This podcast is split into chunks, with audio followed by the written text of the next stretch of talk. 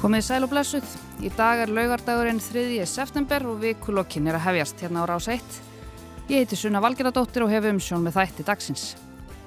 Við erum hérna saman komin í hljóðstofu 6 í efstaleiti ég og Kormákur Marðarsson á samt mjög góðum gestum. Við viljum að fara yfir það helsta sem að bar hæst í vikunni. Það voru hérna einhverja ráningar án auglýsinga, það var rannsóknum kynferðslega áreitni, það er andlátt fyrirvænandi þjóðaleitóða, það var svona hitt og þetta sem að gerðist. Ég með góða gesti í dag, það eru þau Elín Hirst, fréttastjóri fréttavaktarinnar og ringbraut og fyrverandi þingmaður sjálfstæðisflokksins, Orri Páll Jóhansson, formaður þingflokks vinstri græna og Eirikur Bergmann, prófessor í stjórnmálafræði. Ég ætla að byrja á andláti fyrverandi þjóðarleittóa, það var Mikael Gorbachev, eða Gorbachev, það fer eftir í hvernig maður ber það fram. Fyrir um leittói í Sovjetríkjana, hann lést í vikunni, komin á aldur, rúmlega nýraður, hann hafi verið að berjast þarna við langvarandi og alvarleg veikindi. Nókur að byrja á þér, Eirikur, ég sá einhver staðar út undan mér að Gorbachev, hann hafði, hann hafði áhrif á þig sem fræðimann. Já, hann var svona einn af þeim sem að ollu því að ég fór að hugsa meira um uh, sko alþjóðastjórnmál og hvað að leggja fyrir mér fyrir mig að læra þau í, í Kaupmannhöfn, sér í lagi þar sem að Gorbachev var þar gestafyrirlesari.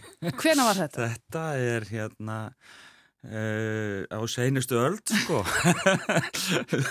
Síðla á seinustu öld á, á lærði ég alþjóðastjórnmál við, við Kaupanrafnar háskóla og ég skrifaði sko mastersritger þar eða kandidatsritger eins og það heiti nú auðvitað heiti það þar uh, um uh, umbóta þróunina í Rúslandi svo ritger heitir Liberal Reform in Russia og það er mjög miklu leiti byggð á hugmyndum Gorbachev eins og hann lagði þær út í Peristróku og í Glasnost og rauninni e, þeim umbóta áallinu sem að Jeltsin hafiði líka e, fyllt e, eftir. Og þetta var svona eitthvað prógram í átt að líðræðisvæða Rúsland, það myndi verða svona e, hluti af fjölskyldu þjóðana eitt, eitt, eitt venjulegt e, ríki.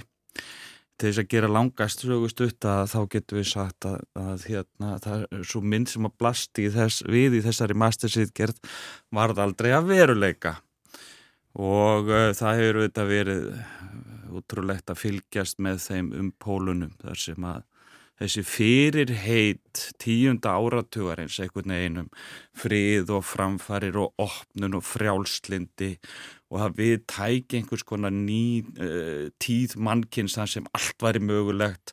Við myndum rífa niður múra takmarkanir á millu fólk gerðum á þar út og svo framvegs og svo tekur heimurinn þennan óbóstlega sveig frá þessu fyrirheiti. Mm. og ég hef nú eiginlega varðið senustu tíu ára með minni fræðumennsku ég útskýra af hverju það sem ég lagði upp með í kaupanöfna sunni tíma raungerðist ekki. Og hérna þannig að, að minn fræðimarsferill lifið farið einhvern svona sveig eftir þessu. En þetta var hérna sko Gorbachev var stórfenglegur leiðtögi, hann er reynda líka frekar harmræn persóna þó maður segi það nú bara eins og, eins og það er vegna þess að það sem hann lagði upp með gerðist ekki uh, hlutinni breytust með allt öðru hætti heldur en hann hafði uh, séð fyrir sér en þetta er líklega sámaður sem á mestan þátt uh, í þeim breytingum sem að urðu undir lok uh, senustu aldar. Já. Já, ég var svo fræg að, að sjá hann augliti til augliti svona nánast, uh, hvað var að segja, ég, ekki alveg, ég var ekki alveg náltanum. Varst í höfða? Ég var í höfða. 86? Já, þá var ég að frétta Marabirkili og við vorum alltaf að dekka þetta eins og allir fjölmjölar heimsins og þetta var mjög þrungin og söguleg stund og mikil eftirvending hjá bara allir heimsbyðinni. Hvað kemi uh, mm. út úr þessum fundi? Menn hefðu miklar væntingar til þess að þarna myndi gerast eitthvað sögulegt í samskiptum bandaríkjana og sovjetríkjana og uh, uh, það er náttúrulega frækt þegar Yngvar Hafn Jónsson, þáverandi fréttastjóri Rúf, satt í beitni útsendingu eiginlega allan daginn og það var, sem það sem menn gáttu séð var, var lokuð hurðin á höfða Já, þetta er ennþá notað í dag þessi þegar við erum að býða eftir beitni útsendíku og það er svona höfðahurðin. Höfðahurðin, það er mjög, já, mjög Ráðherra bústaðinir í hverja einstu vikunana. Mjög eftirminnilegt. Ég man líka vel eftir því þegar þetta var tilkynnt að þessi fundur, leðtofafundur er haldin í Reykjavík og, og það varð uppi fótur og fytt virkilega uh, á þeir fréttastöðu sem ég var að vinna á þá og uh, við trúðum ég eiginlega valla að þetta var að fara að gerast og þessi mikil mennis, þetta er kannski stærstu uh, personar í, í heiminum, svona stjórnmálaheiminum á þessum tíma og uh, okkur fannst líka óað við því hvað var svona, ég man ekki hvað voru margar vikur sem átt að líða þar til þeir kæmu og það var mikið, mikið umstang sem að fór í gang hvað verðist að flytja hér inn alls konar mhm. bíla og uh, skotelda mhm. og bissumenn og ég veit ekki hvað og hvað En eins og ég segi þá held ég að þessi fundur hafi nú verið nokkuð sögulur en hann kannski varð ekki þessi stóri, stóri fundur sem að svona menn áttu vona á þessum að menn bara eh, fjallust í fama. En, en þetta var svona, Nei. hvað myndir þú ekki segja Erik, þetta var svona Já, hann, sko, fundurinn lagði grundvöllin sem var nöðsynlegur til þess að rauninni bara enda uh, kaldastriðið Þannig að við meigum alveg að hampa okkur á þessum fundi. Skiptan raunverulega máli. Já, sko, við skulum gæta okkur aðeins uh, svona hvað þetta varðar því að sko það er náttúrulega líka ákveðin tilviljun að fundurinn er haldinn hér. Af hverju er hann haldinn hér? Sko, það var nú vegna þess að, að þeir vildu hittast á einhverjum svona hlutlausum stað með því að vegu og uh, það hafði sagt, uh, það hafði verið lagt til að Breitland er því fundastæðurinn og sem var svona aldrei svona frekar augljós kostur. En Rónald Reagan bara verulega ráðgjur af því að Margaret Thatcher myndi stela af sér þrömmunni sko. Og taka hérna taka einhvern veginn fundin, fundin yfir sko. Og þannig að hann, hann fyrir fram á það að halda fundin hérna á Íslandi. Hann þekkti sendiherran og hérna sem var hér og það, þannig að það er eiginlega ástæðan fyrir þessu og þetta gerist með, svo eiginlega að segja með mjög skömmum fyrirvara. En þetta gerist bara svona eiginlega allt í einu sko. En það sem gerist á þessum fundi er að uh, þeir eru nástaldi vel saman ræða saman, kynnast og veist, þetta eru svona þetta eru þetta stórveldi og þau fara utan og hvernig annar svona varfærnislega en þeir sátu þarna á móti hverjaðurum og rættu saman Tatser hafði sagt uh, eins og frækt var við Reykján á sínu tíma hér er komin ungur leiðtói í Sovjetríkjanu sem við getum rætt við. Mm. og það er það sem að breytir allri stöðinu, þeir siti hérna og síðan bara árinu setna er skrifað undir uh, samkómulagið sem að í rauninni var til í höfða. En það er ekki uh, það, það raungirist ekki fyrir en setna en það hafði heldur ekkert verið lagt upp með þá hugmynd að það ætti að skrifa undir samkomlaði hér. Þó svo einhverju vonuðust að meðan á fundunum stóð að það myndi gerast. Mm -hmm. Þannig að þú ert í raunin að segja að bara það að þessi fundur hafi verið haldinn að þessi já, menn hafi sest niður þó þeir hafi bara fengið sér kaffibotla og farið svo já. heim bara þessi fysiki fundur hann skipti máli í stóra samingi Já en svo mann mann segja líka sko að framra sögunar var þarna orðin með þung uh, Sovjetríkin voru komin að fótum fram. Þau voru sko rinjandi á þessum tíma og ég þannig að það var runni, þetta var nú meira svona spurningum tíma og hvernig hlutinni myndu þróast og vinda fram heldur en að það er stóru breytingar sem myndu verða. Mm. það held ég hafi ekki verið en ég menna auðvitað getur við verið mjög ána með það að, að Ísland varð vettvangur þessar umræðu sem að breyti Já, það er einhver flekaskil í sögunni sem að urðu á þessum fundi. Það er smá rósi napagati hjá okkur. Algjörlega, sko. Orri, mannst þú, þú hefur nú ekki verið neitt rosalega gammal þegar þessi fundur áttur það? Ég var óttalugur putti þarna á þessum tíma, en ég deil alveg þessari tilfinningu um, með þetta skinnjað og skilja sem krakkjaði, einhvern veginn kastljósið allavega svona í okkar já, augum var á þessari eigu, flekaskilunum uh, norður í Ballarhafi. Ég man hins að þetta er einu sem krakki í grunnskóla að það hefur verið samingið þessa að, að þá kom að ræsa frúin Já. og með sko sérstaklega gjöf sem að þetta þótti mjög merkilegt sko en, en ég hef oft hugsað það svona setna meira að þess að skilja endilega og kunna þessi fræði eins og þú ætlar ég er bara mér svo áhugavert að hlusta á þetta að það fyldi einhvern veginn svo mikil að því er virtist svona jákvæðinni og von gagvar þessum nýja leittóa sem kemur já. í kjölfarið á okkur um stengjærvingum þarna já, já. Uh, austan til en Þeir hefðu verið mislifandi hérna á undan honum sko, þeir hefðu verið lágnir á meðan þeir voru ennþá að stýra svona, svona. En, en það er einhvern veginn endist ekki, hann er fáránlega vinsæl á já. Vesturlöndum, eins konar rockstjarnar, en eins og segir hataður heima fyrir. Fyrirlitin í Úslandi Þannig að þetta er, er áhugaverk hvernig við sjáum þetta með ja. einhverju leiti og einfalt að segja vestrænum augum í sögulegu mm. samhingi ja. en svo, svo uh, verður í raunin ekkert meir úr því sko. En menn bundi náttúrulega mjög miklar vonir við hann vegna þess að hann eins og segja var óvenni ungur þegar Já. hann tók við, hann var 50 pluss og ég, eins og þið segi þá, þá vorum við bara vönd því að hafa einhverja risaðlur þarna ja. á, á sölanum á Kreml sem sást hérna mjög sjaldan og, og, og margir hérna efust jáfnvel um að þeir væru hreinlega lifandi. Og, og það voru bara svona vaksmyndardukkur og meðan að þessi valdaklíka var við völd þá þá var svona alveg útsýðin það að það erðu engar breytingar. Þannig að mm. þarna var uh, glættist von hjá mjög morgum þegar hann kom fram og, og mm. þegar hann fóra að koma með þessa frálslindu pólitík, peristraukuna og, og glasnóstið og, og þetta eruðu náttúrulega uh, orð sem að allir þekkja Já. og bara sérst, orðin alþjóðleg tungutak sko. Pútín hann hefur tilkynnt að hann ætli ekki að mæta í Mhm. jarðarför Gorbachev. Hvað Já, þetta hvernig, lýsir nú bara kannski stöðunni best uh, hvernig, uh, hvernig, hvernig er litið á hvernig litið á arluð hans í Rúslandi? Sko, núverandi valdhafar í Rúslandi uh, líta ekki arluð Gorbachev fögurum augum Þau eh, líta svo á að hann hafi gert grundvallar uh, mistök, hann hafi glóbrað ríkinu úr höndum sér sem að hafi hrunið vegna hans uh, glópsku og bernsku einhvern veginn í, í samskiptum við uh, erlendarleðtói sýrilegi Bandaríkin og, og, og Vestuveldin.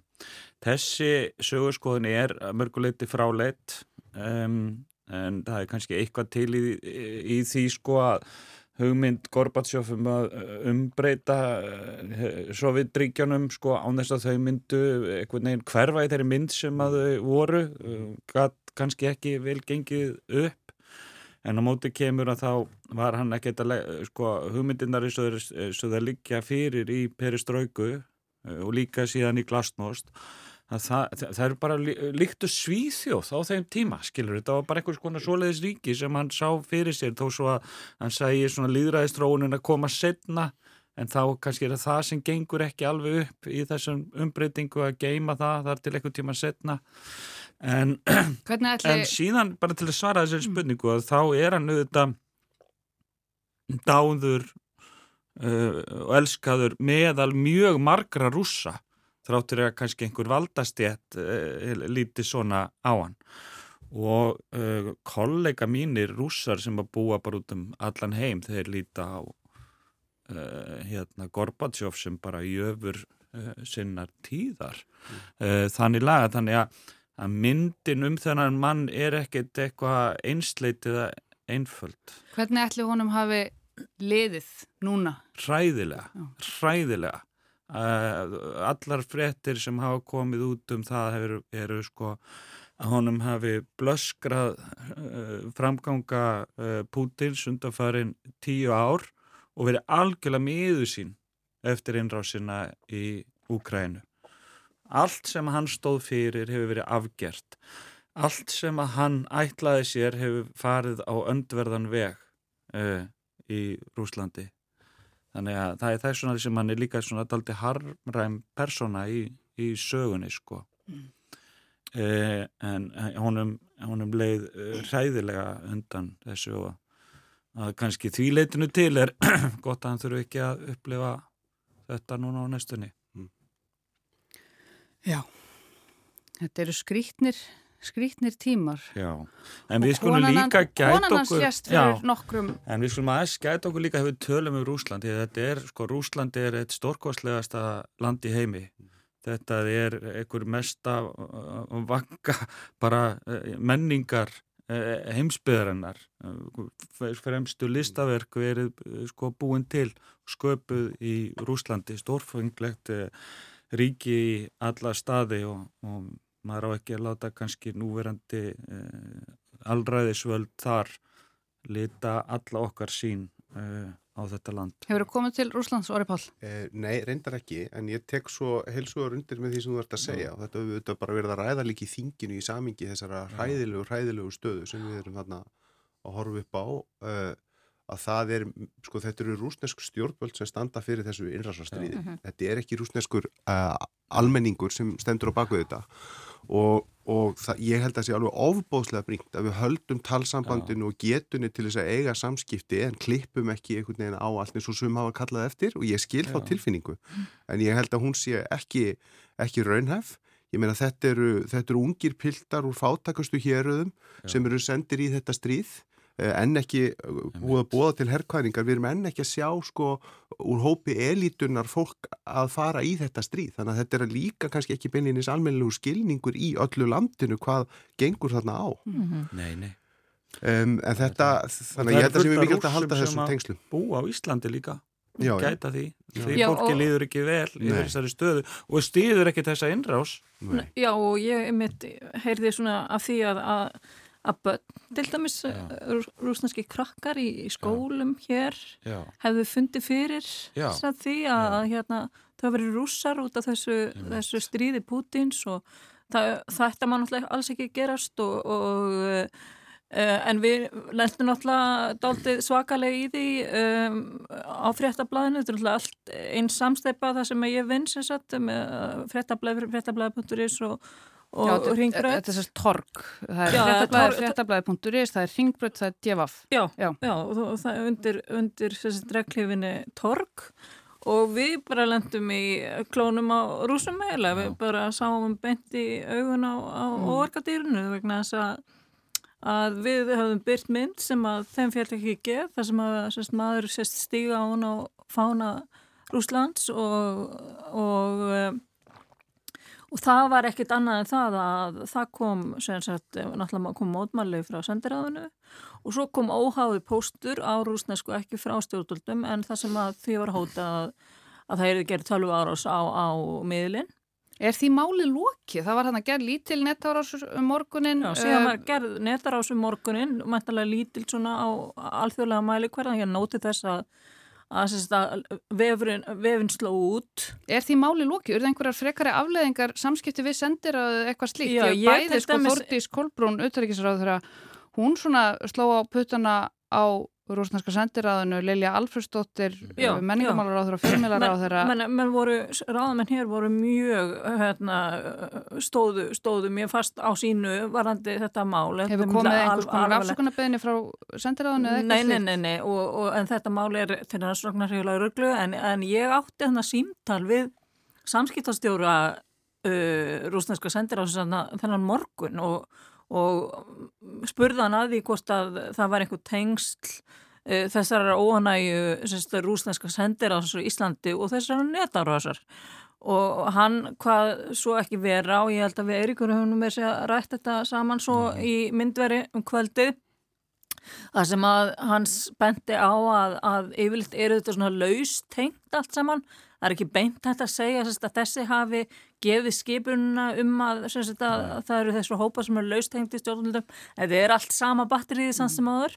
En þessi stafsmæður þessu sagði mjög eftirlega minnilega við mig að við skildum sko ekki hafa hérna, vera hiss á því að verða fyrir svona uh, netárás með við uh, þá framkomi sem við hefum sínt. Mm, emitt. Þið þurfum bara að vera dögleira að passa ykkur. en við skulum segja skilið við Rúsland í byli og færa okkur, mink okkur aðeins og færa okkur aðeins aðeins hingað heim. Uh, Lilja Alfredsdóttir menningar og viðskiptar á þeirra framsóknarflokksins, hún komst aftur í fréttir í vikunni fyrir umdeldarráningu og hún réð þjóðminjavörð án auglisingar og hún hefur verið hardilega gaggrínd fyrir það. Það var Harpa mhm. Þórisdóttir sem hún réð í stöðu þjóðminjavarðar. Harpa sem var áður sapstjóri Listasaps Íslands hefur verið það síðan 2017 og það bara svona í litlum skilningi varð allt brjála, það voru fagfélög fordlegafræðinga og þjóðfræðinga þau gaggrindur ráðninguna, það búið að kvarta til umbósmanns alþingis eh, starfsmenn þjóðminnarsapsins hafa gert aðtóðarsemd við ráðninguna. Það er fólkinan akademíunar sem hefur sagt þetta á verulega gráð svæði þó þetta sé kannski ekki ólöglegt sko, þú veist það var bara ekki svona lögleg skilda að auglýsa auglýsa starfi, það búið að ákveða eða sérst þingmaður Pírata sem sittur í stjórnskipunar eftirlitsnefnd Alþingis, hún hefur kallað eftir því að Lilja komi fyrir nefndina og útskýri þetta. Já, e það, það er kannski fyrir ekki... Já, hvað, hefur þú skoðun? Já, Elín? ég hefur skoðun. Vegna þess að hér sittur hérna formaður þingflóks vinsturgræðina sem að þeir eru aðelda þessar ríkistöld mm.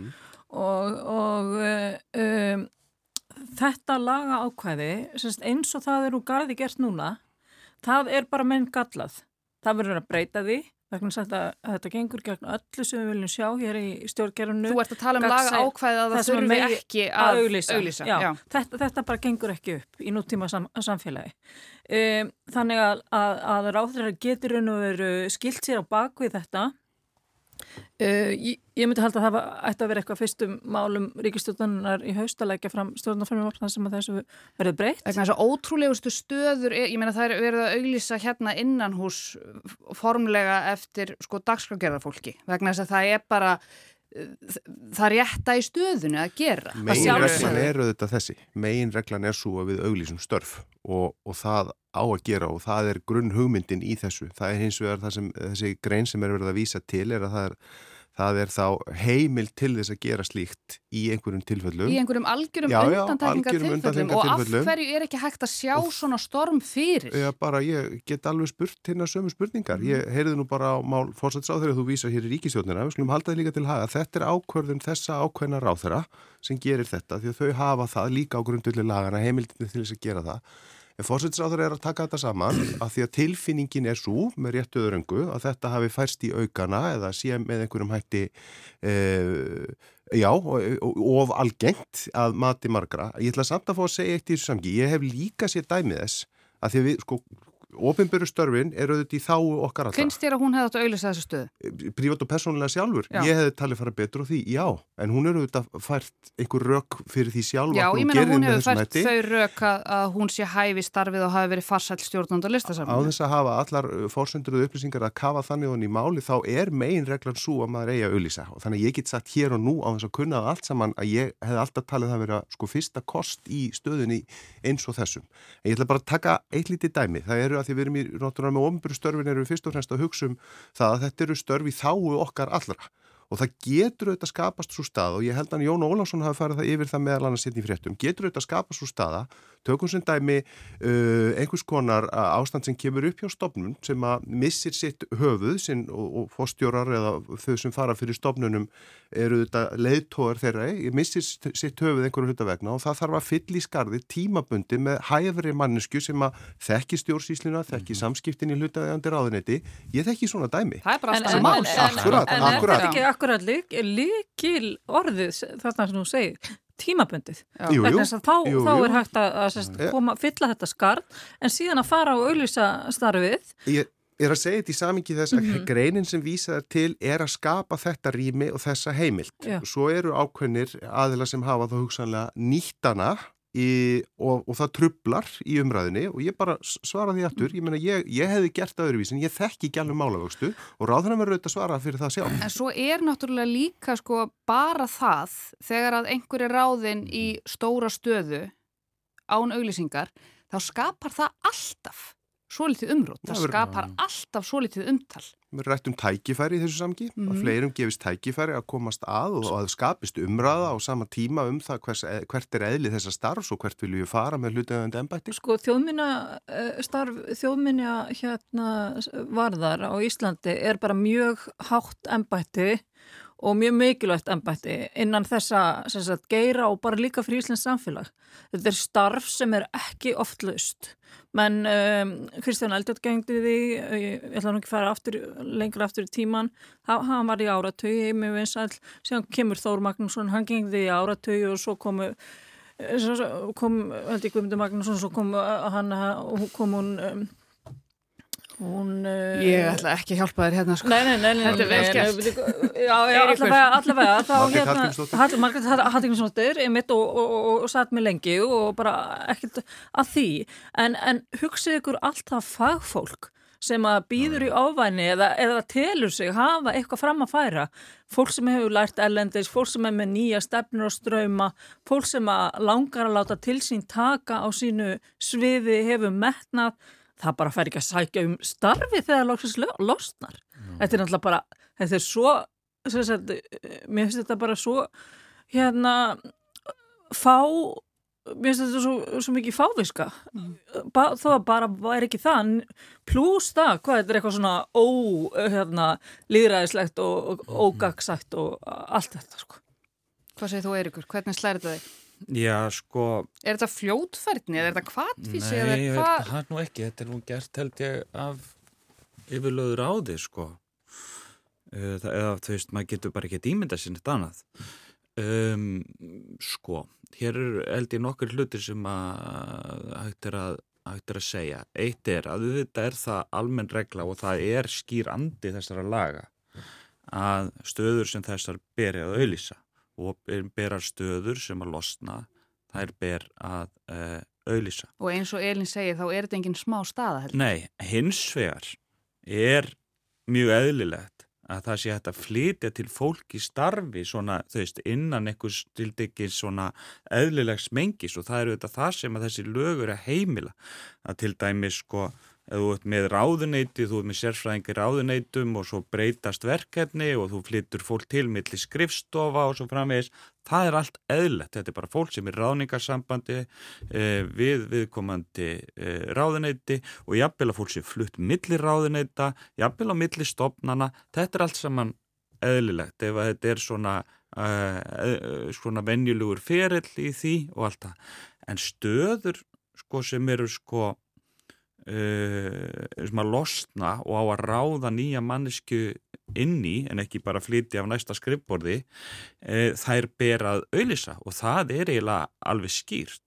Þannig að ég myndi sko ekkit, ég er ekkit alveg sannferður um að laga ákvæði standistöll uh, í, svona, í, í svona ráðningum Er, vegna þess að, að hérna þetta er almenna, almenna reglan og við viljum auðvitað lifa í slíku uh, þjóðfélagi að uh, fólk hafi jöfn tækifæri til þess að láta til sín taka og við vitum það ekkit ennþá og ráþarann veit það ekki heldur nákvæmlega hvað er í bóðið þarna úti Eh, sko hvers konar uh, mannesku eða hæfileika við gætum laðað uh, þarna að, það bara vitum við ekki og með því að auðlisa starfið ekki þá komumst við ekki að því.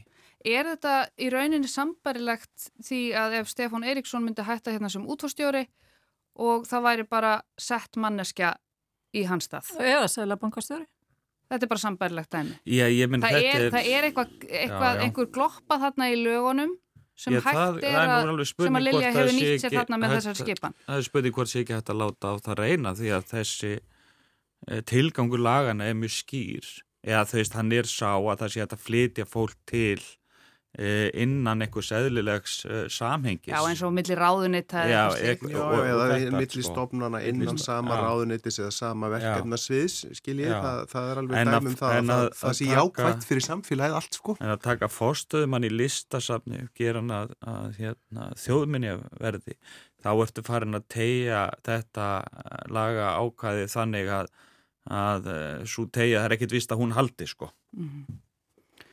Hvað sér þú í stöðunni? Já, Þetta er þín ríkistjórn. já, ég ber alla ábyrð á Þú þessu. bara alltaf þess ábyrgð. alveg öllum hennar gjörðum Nei, ég bara eins og ég segi aftur sko, það er að, að þetta er nú ekki fjölskipað stjórnvald þó að þetta sé gjarnan vísuninn að, að þetta sé nú ríkistjórn Katrína Jakobsdóttur og hún eigi að bjarga þessu að um, þetta er ákvörðin þessar áþara og hún hefur auðvitað verið að, að breyðast við og svara í fjölmjölum með rökum sem sumum finnast algjörlega að halda og öðrum ekki, ég ger ráð fyrir að, að hún haldi áfram að þurfa að svara fyrir það um, sko það hefur ímsu verið kastað fram í þessu samingi og hún dræði það tilbaka eða, eða hugsi sinn gang eða auglýsi. Ég, ég, þetta er bara ábyrð þessa ákveðna ráðherra og hún verður að leysa úr þessu máli. En hún sannlega hefur sko sagt ofinberlega ef ég tók rétt eftir að, að þetta komin á óvart þessi viðbröð, þessi, þessi gaggrinni. og þessi viðbröð og það er spurning hvort hún ætlar að bregðast eitthvað meira við því, ég get ekki svaraði. Nei, það er líka svo litið áhugavert sko Mhm. að þessi gaggríni komi á óvart. Er ekki hægt að sjá einmitt þessa gaggríni fyrir og, og sko og þetta er náttúrulega per se ekki gaggríni á hörpu nei, sem þjóðminja vörð sko. Veist, Og og, er hún gerir- náttúrulega þarf að líða fyrir, fyrir þetta. Já, það er ekki, ekki er gaman að vera hún. Þessa dagana, hugsa ég, og, og það var einhver, eh, já ekki einhver, það var professor í sálnafræði við Háskóla Ísland sem að skoraði mitt á hana að taka ekki þátt í þessu, þykja ekki starfi, þess að þetta væri, semst, já, þetta væri ráskunarleikur sem hún ætti ekki bara að hérna, leggja lagsett við. En það er kannski ekki sangjant að, að leggja þær kröfur á, á mannesku sem að færi þarna starf upp í hendurnar sem að er spennandi og, Já, hún náttúrulega sem persóna er í rauninni ekki til umræðu í, hérna, svona í þessari ofinberu umræðu Nei. sko. Uh, þannig að við þurfum, já, við þurfum ekki held ég ekkit að, að, að sko fara neitt Nei, en er ekki hægt að sjá að sko, henni, en, sko, í- en í sem þessu. sko ráðherra uh, sem tekur þessa ákverðun er ekki, þú veist, er ekki svo lítið uh, kannski, er þetta ekki fyrirsjáanlegt þetta hafari sem að fer í gang eftir svona ráðningu? Já, ráðan segir sjálf að það hefur komið hann óvart og, og ég, ég, það er síðasta sem að ég hef Mhm. heyrt í þessu, ég hef kannski ekki fylgst nægilega vel með síðustu vendingum, en það er Það, þá er spurning, ætlar hún að gera eitthvað meira með það eða, eða láta þar við sitja eða, Það ætti ekki að koma óvart nei, það, við getum átt skoðun á því, en Já. þetta er svarið sem að við höfum, við höfum fengið, sko. Einmitt. Eiríkur, uh, kom hafarið þér óvart?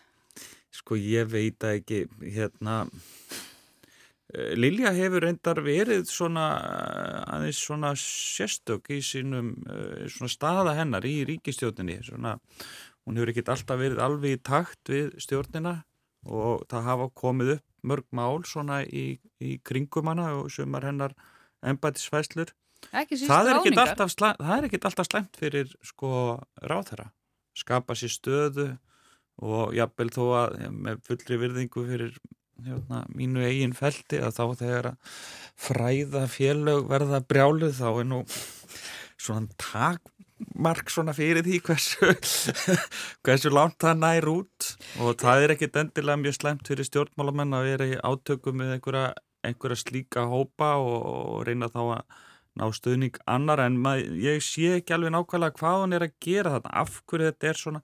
Ef hún telur raunverulega þetta að vera hæfustu manneskjuna í embættið þá hefði henni verið lofa lægið bara auðlis og stöðun og þá er þessi manneski ráð, ráðin, ráðin En, en hæfust. svona aðeins til þess að, að hérna að taka ofan fyrir ætlum ég að, að fannst hún sína mikið pólitist hugrekki þegar hún kom fram í Íslandsbankamálinu Já, og kannski og seint, það má kannski segja það að hún kom Já. aðeins og seint fram með sínar Já. aftöðasendir, þar sem hún sagði að útbóðið hefði, að það Já. öllum viðvörunabjöllum í hennar kolli ringt hressilega þegar að uh, bref ríkisins voru seld núna sérst, síðast í Íslandsbank og allt var vittlust og kom líka öllum í opnaskjöldu en samt svona, eftir að heikja þá bara skilur maður það nú bara mjög vel og, og það mála nú hjá ríkisendun sko og þá hafði hún sem sagt á komin einhvern veginn fram sem þessi manniske sem að, e, já, bara e, við viljum almennilega vinnubröð hér og, og, og ég virkilega, ég tók ofan fyrir henni þó, þó kannski að menn segðu, akkur í vast ekki búin að láta heyra meira og betur í þér, Lilja, um þessi mál uh, áður en raunur útbúið fór fram. Af því Já, að já. Eirikur segir þetta með, sko, mér finnst þetta áhugavert, það er gendilega, ef ég, ef ég skildi þetta rétt, það er gendilega e, slæmt fyrir ráþæra málaflokksins að vera í e, svona samtali þó að það skapist af ef til vill erjum akkurat núna. Já. Sko ég, við auðvitað leggjum áherslu á það ég afgi að stopna sérstætt menningar ráðuneyti í þessari ríkistjórn og, og það var sá geiri sem steg fyrst fram og sagði þetta, þessar breytingar á stjórnaráðunum, þetta líst okkur vel á.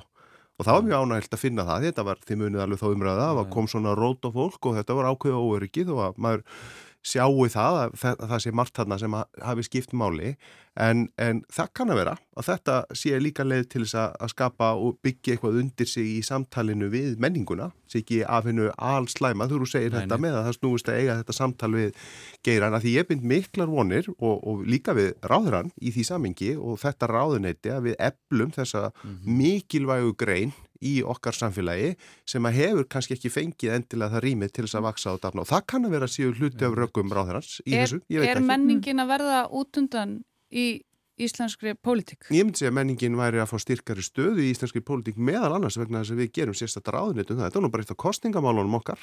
Uh, Menningin hefur vakið aðtikla því að hún hafi að hluta til orðið hornreka með mentamálunum inn í menta og, og ekki vegna þess að mentamálun þurfi ekki sitt rými, þau bara þurfa mikið rými að menningunni sé lift 16% af okkar útlutningstekjum kemur frá skapandi greinum þannig að þetta er algjörlega ef að segja, eitt af þessum ekkjum í körfunni sem við eigum að, að styðja betur við. Og það er bara það sem ég hef heyrt og séð ofan í uh, það sem ráðhverjan hefur að gera í því er afar spennandi og gaman að fylgjast með því. En sko eitt af viðamesta sem kom út úr ríkistjórnarmyndunni senast var þessi ótrúlegi uppskurður á stjórnaræðinu. Það verðist hafa uh, verið mikil vinna lögð í það í stjórnarmynduna viðræðanum og það er eiginlega þar sem eru mestar breytingar bóðar af hérna í ríkistjórninni það er þessi uppskurður á uh, uh, ráðuneytinu.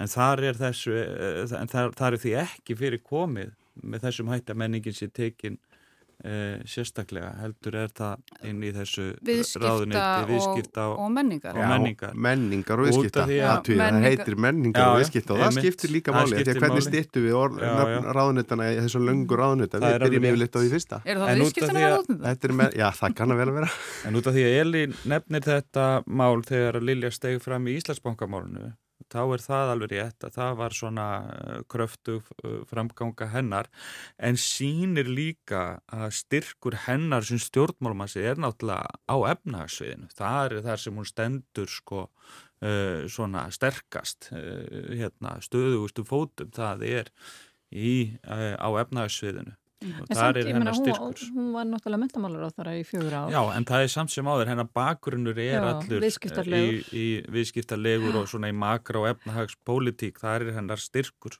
Ég velti því aðeins fyrir mér eh, bara svona eh, hérna hér í hljóðstofunni fer ekkert lengra er það? Nei, það fer ekkert lengri.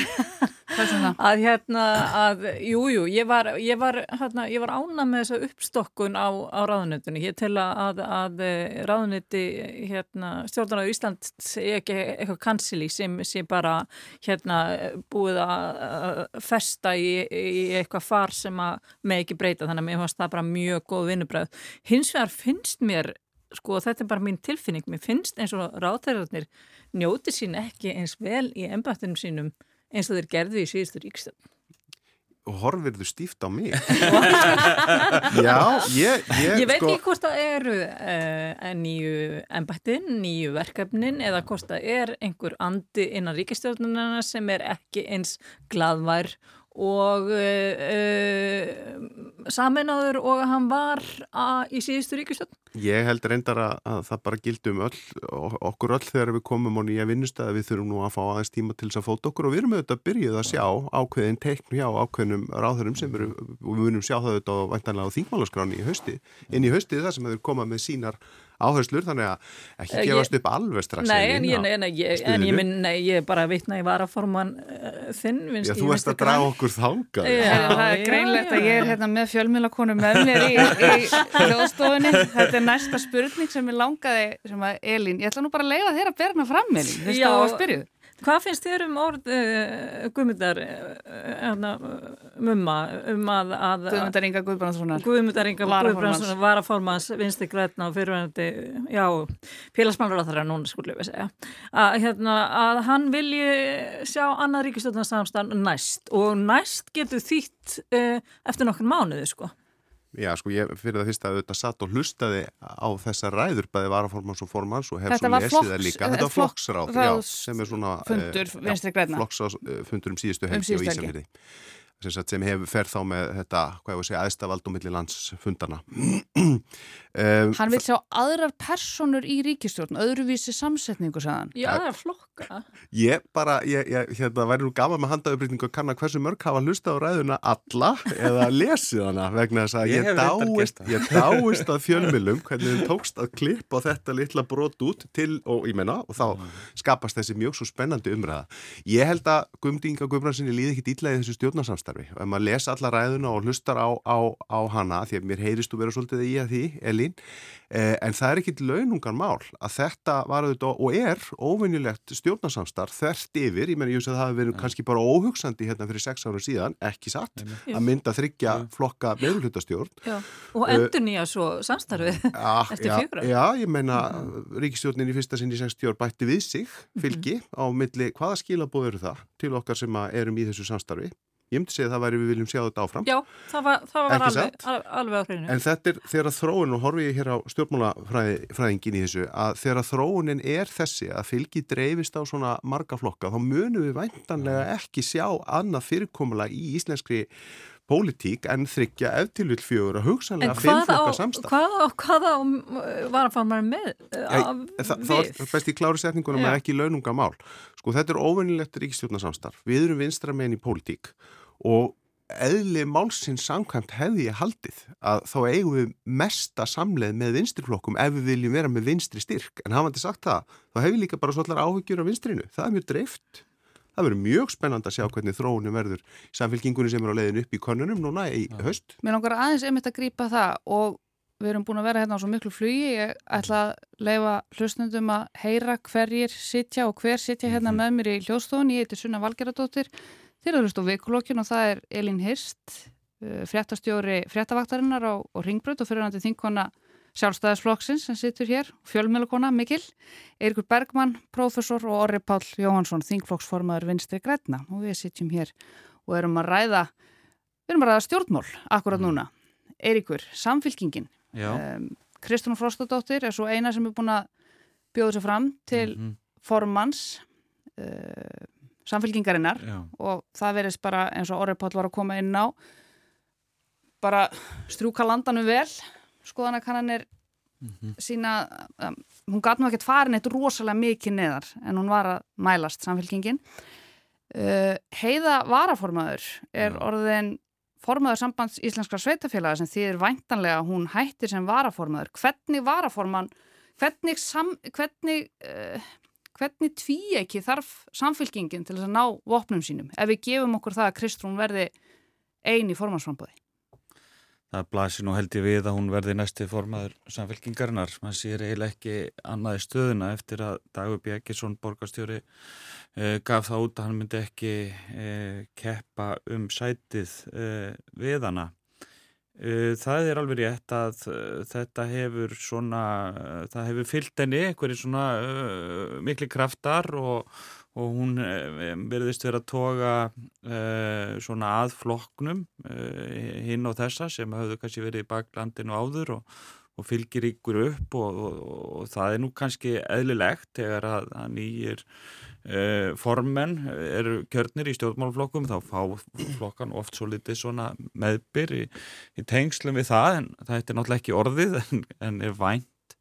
Hins vegar sko kemur auðvitað á móti uh, ákveði reynsluleysi. Mm. hún er ekki þjálfuð í, í sko flokkstarfi. Uh, hennar styrkur er runinni allur annar þannig er uh, í svona umræðu um efnahagsmál þar sem hún hefur verið sko mjög skeleg um, og samfélkingin augljóslega vil sækja sér í þann styrk Það er hins vegar svolítið annað mál að stýra stjórnmálaflokki því að það er fyrst og fremst einhvers konar félagsleg færni uh, sem að þarf til þess líka. Þetta er náttúrulega svona eh, tiltöla viðkvæm félagsleg stýring þannig að ég myndi segja Það er hún ekki eitthvað reynslubólta með sér Já, það er eiginlega það sem ég er að segja já, til að reyna að svara já. kannski þessari spurningu sko, Síðan kom það nú fram í fjölmjölum um daginn að hún er ófrísk þannig að hún mun vantarlega að taka sér fæðingarólof En það myndi held ég vera farsælast fyrir hana sjálfa að hafa eitthvað sem að þekkir eh, innvið þessa flokks eh, vel, þekkir fólkið kann að svona, uh, að, hérna, að svona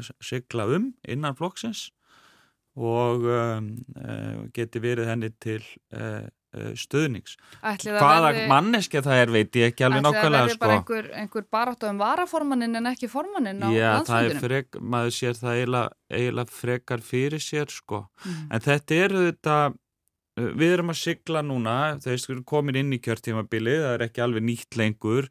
Eh, við sjáum sko að stjórnmálun eru svona að stilla sér upp upp og nýtt og hér var þessi eh, hérna ræða var að forma sér öðrum stjórnmáluflokki til umræðu. Uh, og hún sýnir auðvitað það að menn er að byrja svona að uh, skoða stöðuna í aðdraganda næstu kostninga barátu sem er ekkert svo langt undan. Uh, Það eru alltaf kostningar Þrátt fyrir allt sko, já og þá sjá mann auðvitað það að þetta er verulega óvanulegt eh, stjórnarsamstarf, það átt, er alveg réttilega sagt hjá orra hérna áðan að, að sko um, það átti alls ekkit að geta gengið hér fyrir einhverjum árum en við vorum að koma út úr alveg ótrúleiri ólgu tíð og það var uh, þörf á að koma ró á stjórnmálinn um, og þess vegna blast einhvern veginn þessi ríkistjórn við en það sem gerir það að verkomun heldur áfram er einfallega bara faraldurinn sem gekk hérna yfir sem bara breytti einhverja hulu yfir öll stjórnmála uh, átök og þessi ríkistjórn livði þar leðandi lengur heldur en kannski maður hefði geta gert ráð fyrir og núna þegar að líður á þetta setna kjörtífambil þá verður þetta bara einfallega erfiðara. Það munu fleiri átökamál koma upp, sko línundar á milli þessara flokka munu skýrast betur um, og sem sagt um, e, það mun verða einhver svona um, uppst, ég kannski sé uppstokkun en svona endur skipulagning á uh, stjórnmála baráttunni og þá er staða samfélkingarna með kristrúnu töluvert uh, öðruvísi mm. Heldur en að, að sáflokkur var í á seinasta uh, kjörtífambili og hefur verulega áhrif líka á möguleika flokka eins og pírata og ekki síst viðreistnar mm. sem ég myndi segja að væri komin á daldi svona Eh, sérstakann stað kannski með uh, því að Kristrún kom inn í samfélkinguna. Mér kannski langar að pæta því við að því að ég, ég er kannski búin að vera pínu neikvæð að, að mér langar að segja það að ríkistjónin stóð sig afskaplega vel í þessu COVID-fári.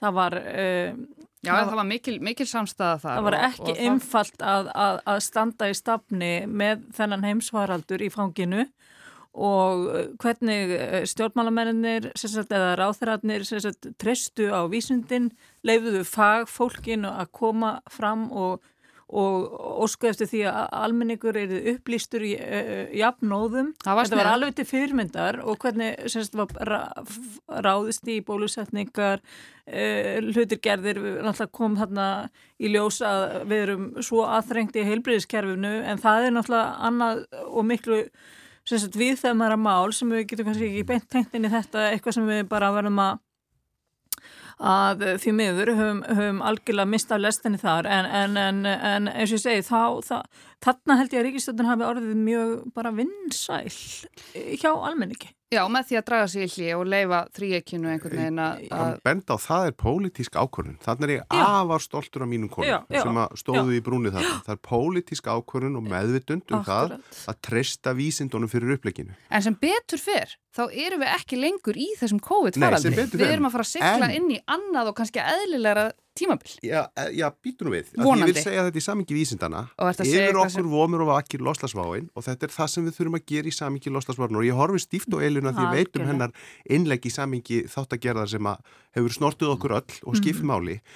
að, að þetta er það sem við þurfum að gera. Við þurfum að horfa og treysta vísindamönunum Eh, eins og við gerðum í COVID-faraldunum. Þetta er ekki flóknara. Elin, þú hefur verið öttul baratu kona og vakið mikla aðtegli á, á loftslagsvonni með að gera eins og orði pallir að koma inn á. Eh, sjálfstæðisflokkurinn, þinn gamli flokkur, er með umhverfis og auðlinda ráðuneytið. Hvernig finnst þér Guðlur Þóru að standa sig sem umhverfisáðra? Uh, já, ég, uh, mér finnst nú kannski ekki, mér finnst svona ímist teikna lofti sem ég er ekki alveg nú ána með. Eins og hvað? Mér finnst uh, eins og eigi svona, þú veist, að, að eru veru eins og viðskipta hagsmunir eigi veginn að koma fyrst og síðan raun og veru uh, sjálft stóra vandamálið og hérna ég held að þetta leysist ekki öðruvísi en allir er komið að því og takið þátt. Þetta, það er ekkit einhver business solution á þessu vandamáli. Þetta, þetta er mál sem að hérna snerti bara öll mál og allt okkar líf. Um, ég tók eftir því að Guðlaugur var að fá til liðs við sig í lofslagsráð þannig að tinnu Hattegrinsdóttur sem er fulltrúi ungra ungari sinna, það var sem er mjög vel gert hjá hann en það er unga fólkið sem að á eftir að erfa þetta land og standa í raun og veru í stafni þegar þessi ósköp, sko margir segja reyndar yfir mig eh, eins og vorum að tala um í fréttonum í vikunni, hamfaraflóðun í Pakistan, þar sem að jöklarnir heima, heima, á heimalæðisvæðinu er að, að brána með þvílikum hætti að það er, hana, það er það er. Bara eins og heimsendir einhvern veginn. Í hana. Pakistan, bara uh, afskaplega hætturögt ástand þar og þar eru losasmálinn núna. Þau eru ekki sett, uh, hjá komandi kynnslóðum.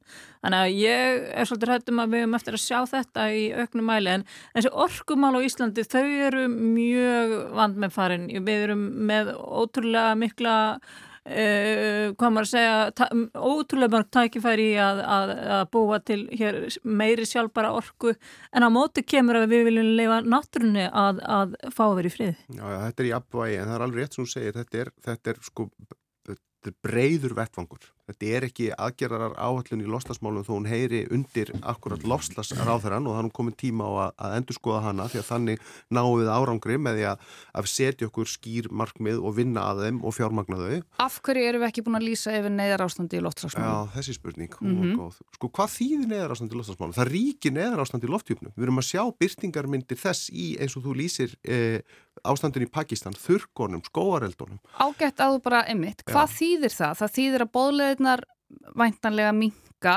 það er valdhafarnir fá aukinvöld til þess að grípa til aðgerða. Það koma, það koma meiri peningar eða sérst, er, herri fjárhæðir eru eirnamertar loftslagsvonni af ríkisfíðinu. Mér fannst Elinbjörg Jónastóttir útskýra þetta ágætlega hér í samtali um daginn þegar hún var að, að, að líka þessu við sko, kerfið sem við þekkjum og skiljum með veður viðvarandar skiljið, gul, appilsingul og rauð. Og við mhm. skiljum að þeirra rauð viðvörun, þetta er sko alþjóðlegt kerfi sem alþjóða viðmálustofnunin setur á fót, hún hefur til dæmis ekki gert slíktið sama þegar kemur á loftjúpnum kannski ætti hún að gera það.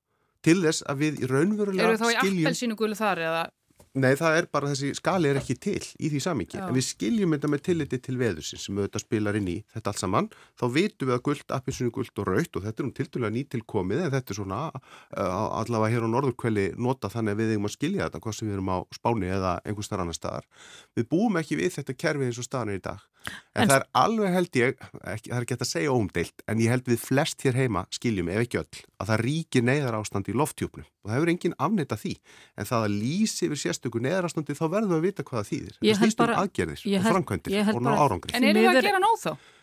Við erum höfum verið að gera Það er ítrekkað að koma fram frá náttúruvendarsamtökum og umhverfisvendarsinnum að við séum einmitt alls Já. ekki að gera nóð til Já. þess að ná þessum markmiðum sem að ríkistjórnun hefur sett sér í loftslagsmálum Við hefum gert heilmikið Af hverju snýrust síðustu kostningar ekki um lofslagsmál?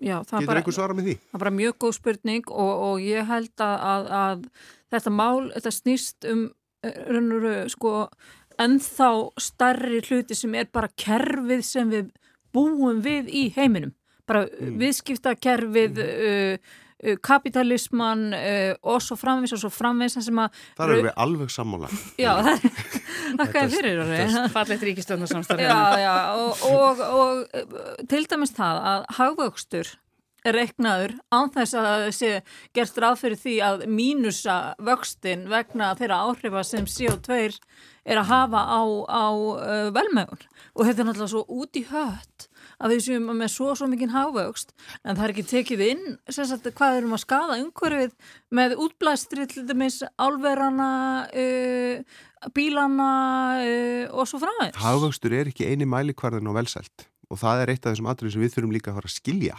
Þetta snýst ekki bara um hækkaðar hafastartölur til þess að það snúist og uh, þá sé samfélagi gott. En í dag snýst allt um hafast? E, já, Ég er ekki samanlega því. Ég mælu lífið það- aðeins í meiri, Já, ég gerði það líka, en ég meina það er svona einn pólitíska, uh, já, það er svona mainstream pólitík, hagvöxtur. Við höfum verið að tala fyrir öðru höldum því áfram. Vandinni hvernig sko markalínu valsins eru skortnar í þeirri veröld sem að við búum í. Við búum einfallega í fragmentirðum heimi þar sem að 190 stjórnvöld er að taka mismunandi ákvarðanir og vegna þess að, að vegna þjóðríkiskerfisins hefur ekki verið hægt að taka neina samræmda ákvarðun í þessu málum sem er samt sem áður það sem er nöðsilegt og þarna er bara sko, meiri átt á vandi því er ekki það að hvert ríki þurfi ekki að gera allt það sem getur að sjálfsögðu. En þetta er stóri vandin í málinu, þú veist það er styrjöld í heiminum sem er sko mengandi á við hérna um, og meira mengandi heldur en bara flest annað sem hefur verið gerst og breytir öllu varðandi orku, búskap og neyslu og svo, og svo framvegis þannig að það þarf að takast á þetta alþjóðlega. Látum þetta vera loka orðin úr fræðaheiminum um stjórnmála ástandi í dag. Takk kærlega fyrir að koma enga til mín í vikulokkin. Ég heiti Sunna Valgeradóttir. Gestir mínir voru þau Elín Hirst, Orri Páll Jóhansson og Eirikur Bergmann. Vikulokkin verða hér aftur næsta laugadag á sama tíma. Takk fyrir að leggja við hlustir og verið sæl.